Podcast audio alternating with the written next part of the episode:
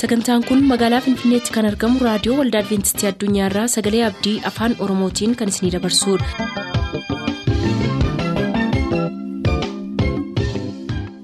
harka fuuni attam jirtu hordoftoota sagantaa keenyaa ayyaanniif nagaan waaqayyoo hunduma keessaniif haa baay'atu jechaa sagantaa keenyaarraa jalatti qabanne kan dhiyaannu sagantaa dargaggootaaf sagalee waaqayyoo ta'a dursa sagantaa dargaggootaatii nu hordofa.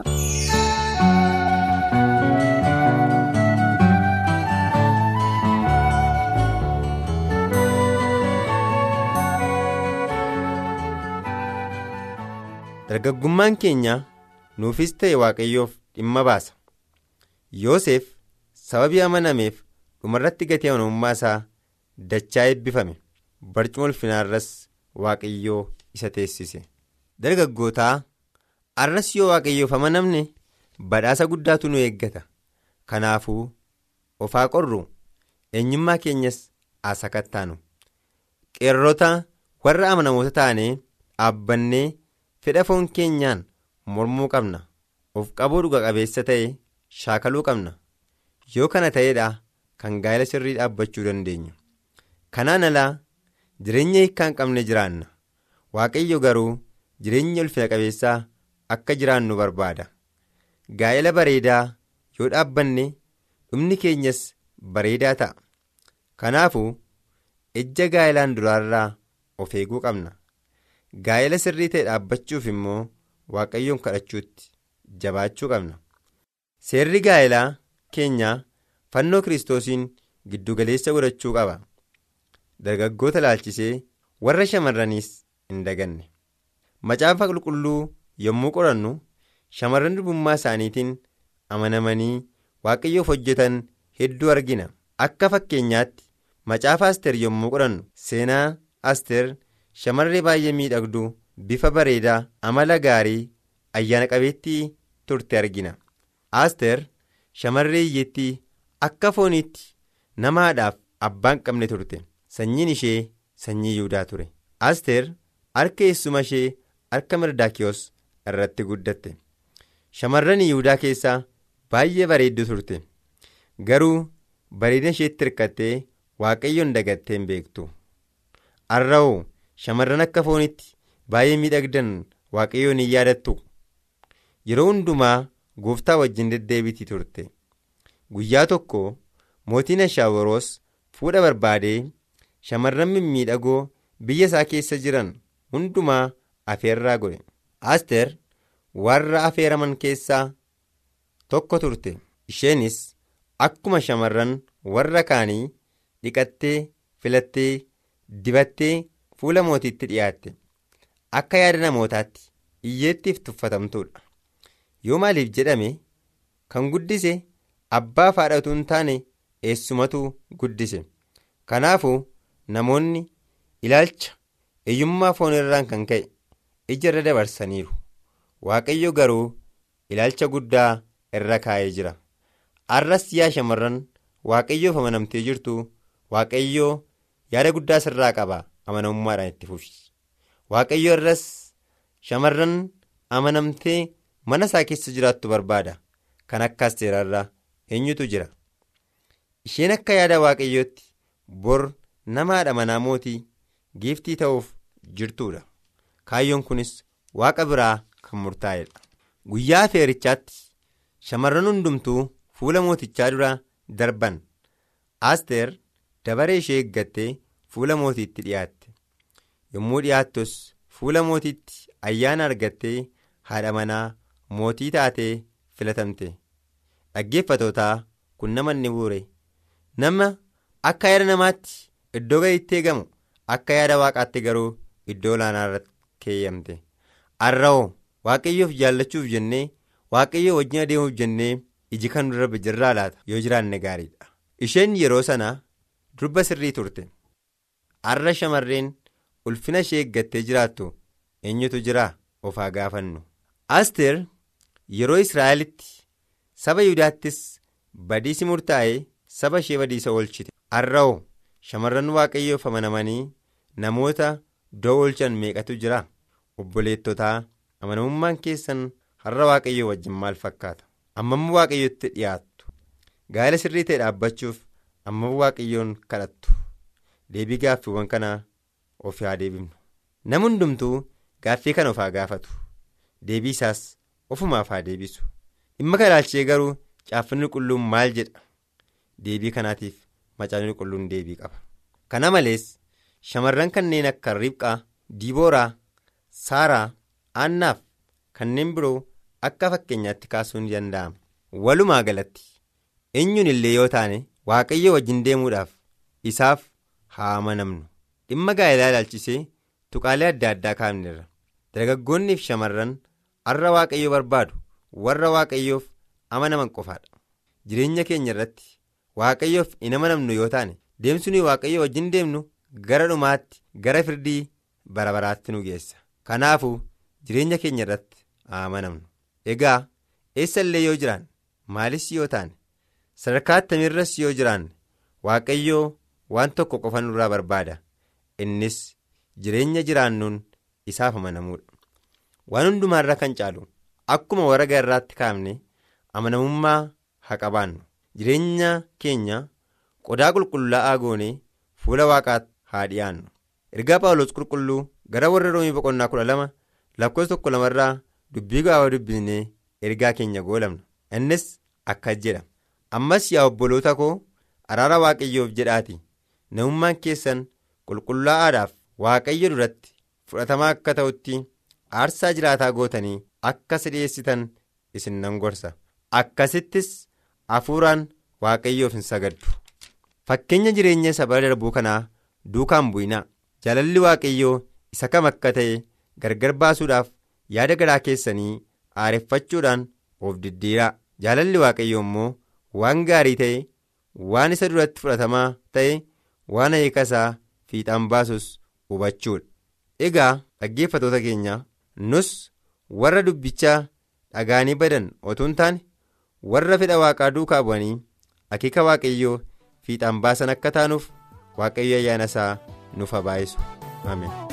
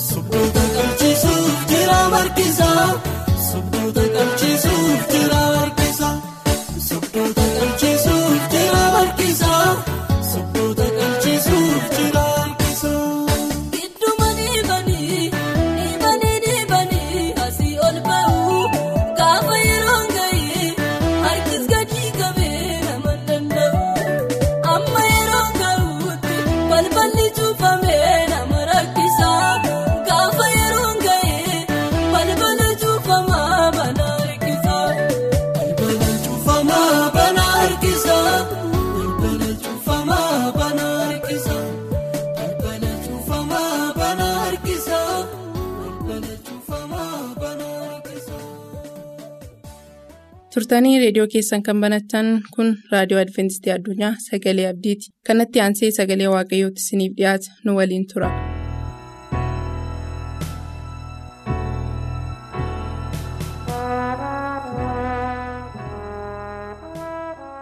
kabajamoota dhaggeeffattoota keenyaa attam jirtu sagalee waaqayyo dhaggeeffataa kan jirtan hundumti keessan waaqayyoon guddaa galateeffannaa gochaa nuu godhe hundumaaf bara jireenya keenyaa hundumaatti nu wajjin ta'e gadi ba'uu keenyaaf hol'ituu keenya eebbisee yoowwan waan nu geef galanni guddaan isaaf haa ta'u jenna ammas sagalee waaqayyoo dhaggeeffachuudhaaf yommuu qophaa'aa jirru kana waaqayyo tokko tokko keenyaaf hubannaa akka kennuufi hin kadhanna. ulfaataadhaaf tola amanama abbaa keenyaa waaqarra kan jiraattu jireenya keenyaa guyyaa hundumaa nu wajjin taatee yeroo hundumaa nu wajjin taatee kan nu barbaachisu nuuf laattee nu eddee yoowwan waan nu geesseef hamaa hundumaa waan nu oolchiteef galanni guddaan teessoo kee irratti siif ta'u ulfaataadhaaf tola amanama abbaa keenyaa yeroo kana immoo sagalee kee isa aananiif dammarra caalaa mi'aawu kana dhaggeeffachuudhaaf ayyaana guddaa waan arganneef guddaa si galateeffanna isa dhageenyu kana yaa waaqayyotti jiraachuu akka dandeenyu nu gargaari hamma dhumaatti nu dhaabi maqaa gooftaa yesuusin si kadhanna nu dhaga'ii ameen. Kan jaallatamtan dhaggeeffattoota keenya sagalee waaqayyoo guyyaa irratti kan wajjin hirmaannu kan jedhu faarsaa daawwit dhibbaaf 22 lakkoofsa tokkorra kan jirudha. Faarsaa daawwit dhibbaaf 22 lakkoofsa tokkorra kan jiru kottuu mana waaqayyoo dhaqna yeroo naan jedhan gammadee jedha. Kottaa mana waaqayyoo dhaqna yommuu naan jedhanii gammadee. Sagaleen waaqayyoo kan nama gammachiisu yeroo hundumaa keessa namaatti kan tolu kan nama dammaqsu. Kan nama haaressu kan nama deebisu guyyaa har'aatti eessa dhaquutti gammanna laanu daawwiti kan inni fo'ate kan inni itti gammadu namoonni yommuu ka'anii qophaa'anii kottuu mana waaqayyoo dhaqnaa yommuu naan jedhanii nan gammadee jedha dhugaadhumatti garaa keenya guutuu dhumaanii eessa oolutti gammannu isa kamiinituu fuuldura buufna isa kamtuu keessa keenyatti waan gaarii waan bareedaa. Garaa keenya keessatti fida. Kottaa mana waaqayyoo dhaqnaa yommuu nuun jedhan hin gammannaa. Kottaa waaqayyotti hinnaa waaqayyoon dhaggeeffannaa isa hundumaa danda'u. Jireenya keenya kan haaressu jireenya keenya geeddaruu kan danda'u. Jireenya bara baraatti nu gashuu kan danda'u. Cubbuu keenyatti kan nu fayyise. Isa dhaggeeffannaa dhannee sagalee waaqayyoo dhaggeeffannaa yommuu nuun jedhanii meeqan keenyatu gammada. Lakki abbaa na irratti naqu iddoo akkasiin naqaa. Iddoo akkasiin naqaa. Iddoo akkasii dhaquutu na gammachiisa. Jennamoo. Gammanna sagalee waaqayyoo dhaggeeffachuutti? Isa kamitti gammanna? Isa kamiin jaallanna? Kottaa sagalee waaqayyoo dhaggeeffannaa yommuu nuun jedhani gammadee faarfannaan tokko kan afaan oromofaatiin dhaggeeffadheera kaneedha. Maal jennaree waaqa kanaan? Maal jennaree waaqa kanaan? Hin saganna bara baraan kan jedhamu. Dhuguma waaqayyo gochaan nu godhe hundumaaf erga of barree erga gara yesus kiristoos dhufne waan inni nuuf godhu waan inni.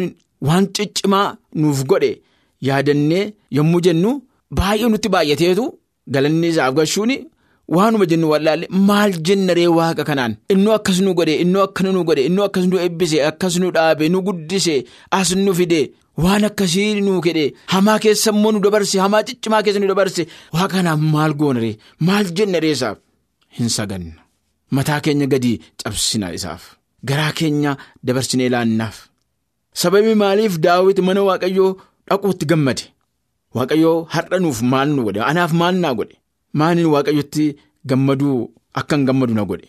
Maal akkanaaf godheef? Duraan dursee nu uume anaan na uumeera ani uumaa waaqayyooti. Nu uume waaqayyoo ofiisaatti fakkeesse jiraataa bara baraa jireenya bara baraa nuu kenne nu uume. Uumama hundumaarraa nu caalsisee qobaa nu godhee nu uume. yommuu kufnes cubbuutti nu dhiqe cubbuu keenyatti nu dhiqe kiristoos yesuusin nu erge. Ilma isaa ilma tokkicha qabu sana nu erge biyya lafaatti.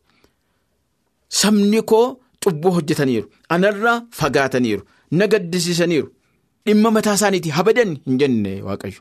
Ani ulfina guddaan isaaniif kenne ulfina kanarraa isaanumatu kufee cubbuu wajjin isaanii nuumne cubbamaas isaanii hin goone jireenya barabaraan kenneefi. Akkuma jireenya barabaraa qabaadhu jireenya barabaraan isaaniif kenneef isaan garuu kana hin dhiisanii.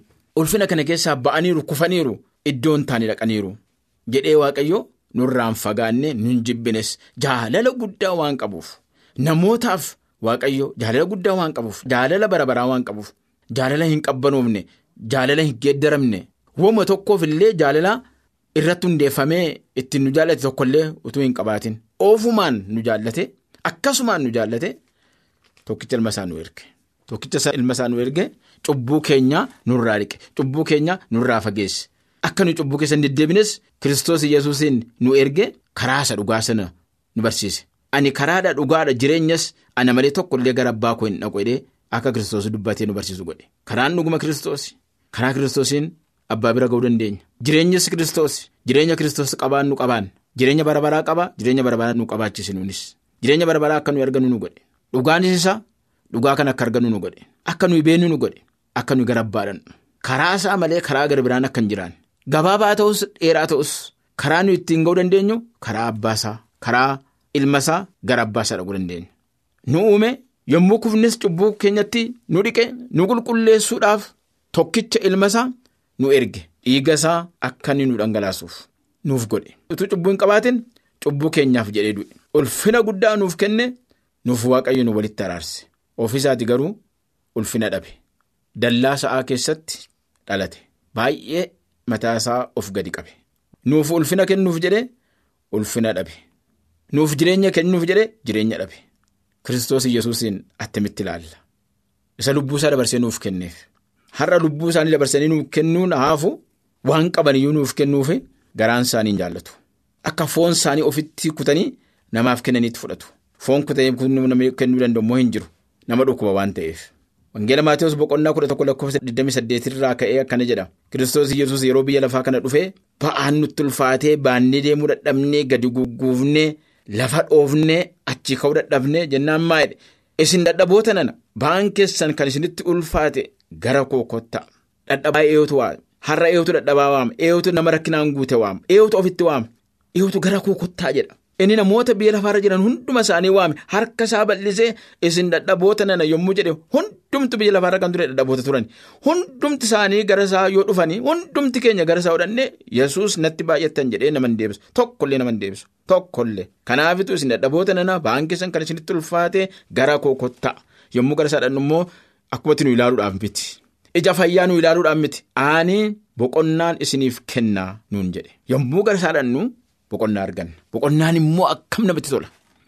Yommuu boqonnaa argatani ba'aan keenya inni nutti ulfaate inni nu rakkise inni nu dhuphisu inni jireenya nu dhabsiise suni yommuu nurraa ka'u boqonnaa yommuu argannu yommuu hurrii baanu attam nutti tola.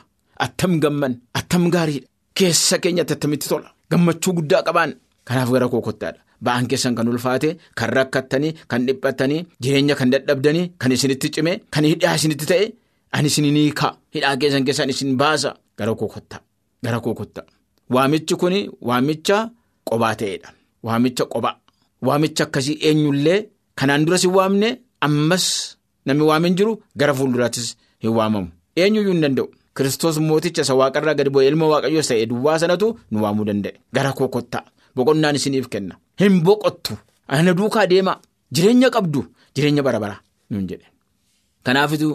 jedhe kanaafitu. Duuka boota isaa kan turan biyya lafaa kana irratti isaan wajjin jiraatanii dhugumayyuu immoo waan baay'ee ba'aa isaaniirraa fuudhaa ture. Rakkina isaan keessaa isaan baase. Rakkina isaanii keessaa yommuu isaan baasee jedhutti baay'ee gammadaa turan isa duukaa bu'aa turan. Nyaati xinnoon ishee jiraatte saba hundumaa fuula teessisaa jedhe. Waan xinnoo ishee qabna. Yaa gooftaa kun nama meeqa ga'a? Warri maddana jirruyyuu nuun ga'u. Saba kana hundumaa dhiisiitti mee fidaa gara koo jedhe. Itti kennan hin ilaalan nama teessisaniiru yommuu inni gara waaqaatti ol qabee. Gara abbaa isaatti ol qabee yommuu inni eebbisee lafa kaa'u namoonni hundumti isaanii itti dacha'anii nyaatan. Hin dhumne wanti sun. Hinuma baay'ata hinumatti dabalama hinuma baay'ata hinumatti dabalama hinuma fudhatu. Nyaatanii quufanii hambaa baay'eetu irraafe. Kana beeku. Kunoo waanuma xinnoo ishee fuudhee baay'isee nama nyaachisa. Yeroo hundumaa akka kana maali duukaa buuneedhaan duukaa buuneedhaan eessarra ba'ee attam ta'e laadhaniitu duukaa bu'anii barbaadanii maali yaa gooftaan jalaa baddemini si barbaadna mini ittiin jedhani. Waan nyaattanii quuftanii na barbaaddanii jireenyaaf miti hamma dhumaatti na duukaa bu'uudhaaf miti ittiin jedhe nuu har'a hamma dhumaatti duukaa buuna moo hamma nuti toletti duukaa buune gara booddee deebina. Hamma dhumaatti kan obsu inni garuu hin fayyaadha. Bara dhumaa kana keessa rakkina baay'eetu ka'a. Jibba baay'eetu ka'a. Namoonni baay'ee wal jibbu. Hamminni guutaa. Namoonni mataa isaanii jaallatu. Hamma dhumaatti kan obsu garuu hin fayyaa. Hamma dhumaatti kan kiristoos hin duukaa bu'u. Hamma dhumaatti namni isaa wajjin dhaabatu. Hamma dhumaatti namni eebba isaa barbaadu. Yeroo rakkinaattis, yeroo bal'inaattis, yeroo qabeenyaattis, yeroo dhabinattis dhabanis yeroo hundumaa yeroo hundumaa isaa wajjin namni dhaabatu. Namni isa eeggatu. Namni isatti hiiku hin fayya. Ba'aan keessan kan isinitti ulfaate rakkina kan qabdan dhimmi keessan hidhamee kan hiikamuu dide fuula waaqa duratti fidaa gara koo kottaadha natti fidaa jedha anoo boqonnaa isiniif hin kenna jedha. Raajii Ermiyaas boqonnaa lama lakkoofsaa afurii jalqabee ka'edha. Raajii Ermiyaas boqonnaa lama lakkoofsaa afurraa jalqabee isin yaa sanyii Yaaqoob gosa Israa'el kan taatan hundumti keessan dubbii waaqayyo dhagaa waaqayyo abbaan keessan balleessaa maalii ana irratti argani. Abbaan keessan balleessaa maalii ana irratti arganii anarraa fagaatanii anatti fagaatanii jedhee dubbata. Gaaffii gaafata. Balleessaa maalii irratti arganii anuu akkasiin godhaafi ofitti waama ba'aa keessan kan isinitti ulfaate gara kottaan ittiin jedhu balleessaa maalii narratti arganii maalan isaan godheetu narraa fagaatu natti kudhiisanii narraa fagaatu. Yoon guddisee waamillee baay'atanii narraa fagaatanii jedha. Yoon baay'isee isaan waamillee yoon iyyee isaan waamillee isaan immoo baay'isanii irraa fagaatan jedha. Natti dhiyaachuun barbaanne. Maalan isaan godhe. Waan hin taane duukaa bu'anii ana dhiisanii jedha. Kun fayyina mini jedha. Kun eebba mini kun kun waan gaarii miti jedha. Narraa fagaachuun jedha. Waaqayyooti hiiquutu eebba. Waaqayyooti hiiquutu gaariidha. Waaqayyoon eeggachuutu gaariidha. Abdii waaqayyootu gaariidha ba'aa keenya nurraa fuudha. Nuu salphisa. Nurraa kaasa. Isa sila gugguufnee deemnu ba'aa keenyarraan kan ka'e akka nu ol jennee deemnu nu godha. Hurrii nu baasa. Kan nu yaasisu nurraa fageessa. Abdii guddaa nuu ta'a. Waaqayyooti hiiquu nu barbaachisa. Abboonni keessan balleessaa maalii ana irratti arganii anatti fagaatanii waaqolii waa'ee hin baafne duukaa bu'anii. Ofii isaaniitiis warra waa'ee hin baafne ta'anii. Waaqayyo waaqa jaalalaati yoo? Jaalalli isaa soo guddaa akka ta'e jaalalli isaas barabaraan akka ta'e jaalalli isaa hamma dhumaatti akka ta'e beekna karaa alma isaatii barreerra utuu jaalalan qabu ta'e nu du'a. Utuu diina isaa ta'anii jirru nu du'e. Dhiiga isaa nu dhangalaase. Cubbuu keenyatti nu dhiqe. Ulfina nuuf kenne. Biyya rakkinaan guute kana. Biyya dhiphanaan guute. Biyya gaddaan guute kana keessaa nu baasee ol teessoo isaa lafa jiru. Waaqarratti nu gashuudhaaf isa godhe kana. Waaqa dhugaa ta'e. Waaqa araaraa ta'e. Yommuu nuyi gara isaa dhaqnu nun jibboo nun gatus nun irraanfatus kottaa gara waaqayyootti deebi'uu nu wayya. Waan qabnu hundumarraa lafa dhanne hundumaati gara waaqayyootti fuula keenya deeffanna. Gara waaqayyoo yaanna. Mi'a abdii waaqayyoo haareeffanna isa waaqayyoo nu gochuuf jedhu. Biyya lafaa kana irratti soo. nu eebbiseera. Jireenya nuuf kenneera. Lubbuu keenya dheeresseera. Lubbuun isaanii kan badanuu jiru. Waaqayyo hamma guyyaa irraatti nu dhaabeera. Sagalee isaa akka dhaggeeffannu mana isaa akka keessa akka deddeebinu isaaf akka hojjennu soo nu godheera waaqayyo. Ayyaana guddaa nuuf kenne kottaa waaqayyotti deebina. Balleessaan keenya illee hammam akka ta'u hammam waaqayyoonitti yoo yakkinayyuu yoo sagaddisiifneyyuu nuu dhiisa gara isaatti deebina. Kottaa gara waaqayyotti deebina. Innoo nutti raarama. Cubbuu keenya itti manna. Innoo nu dhiisa. Innoo nu qulqulleessa. Ijoollee isaa nu godha. Kottaa gara waaqayyotti deebina. Gara waaqayyotti deebine sagalee isaa dhaggeeffanne isa hubanne isaa wajjin deemne jireenya bara baraa sanatti galuu akka dandeenyu. Waaqayyo tokko tokko keenyaa wajjina ta'uu. Ameen.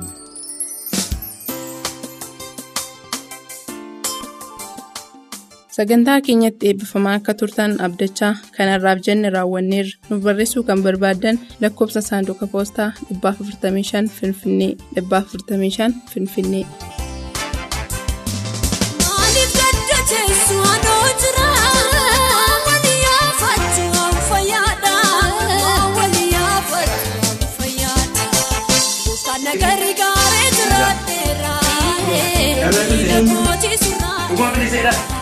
Dhuguma lubbuun jirta.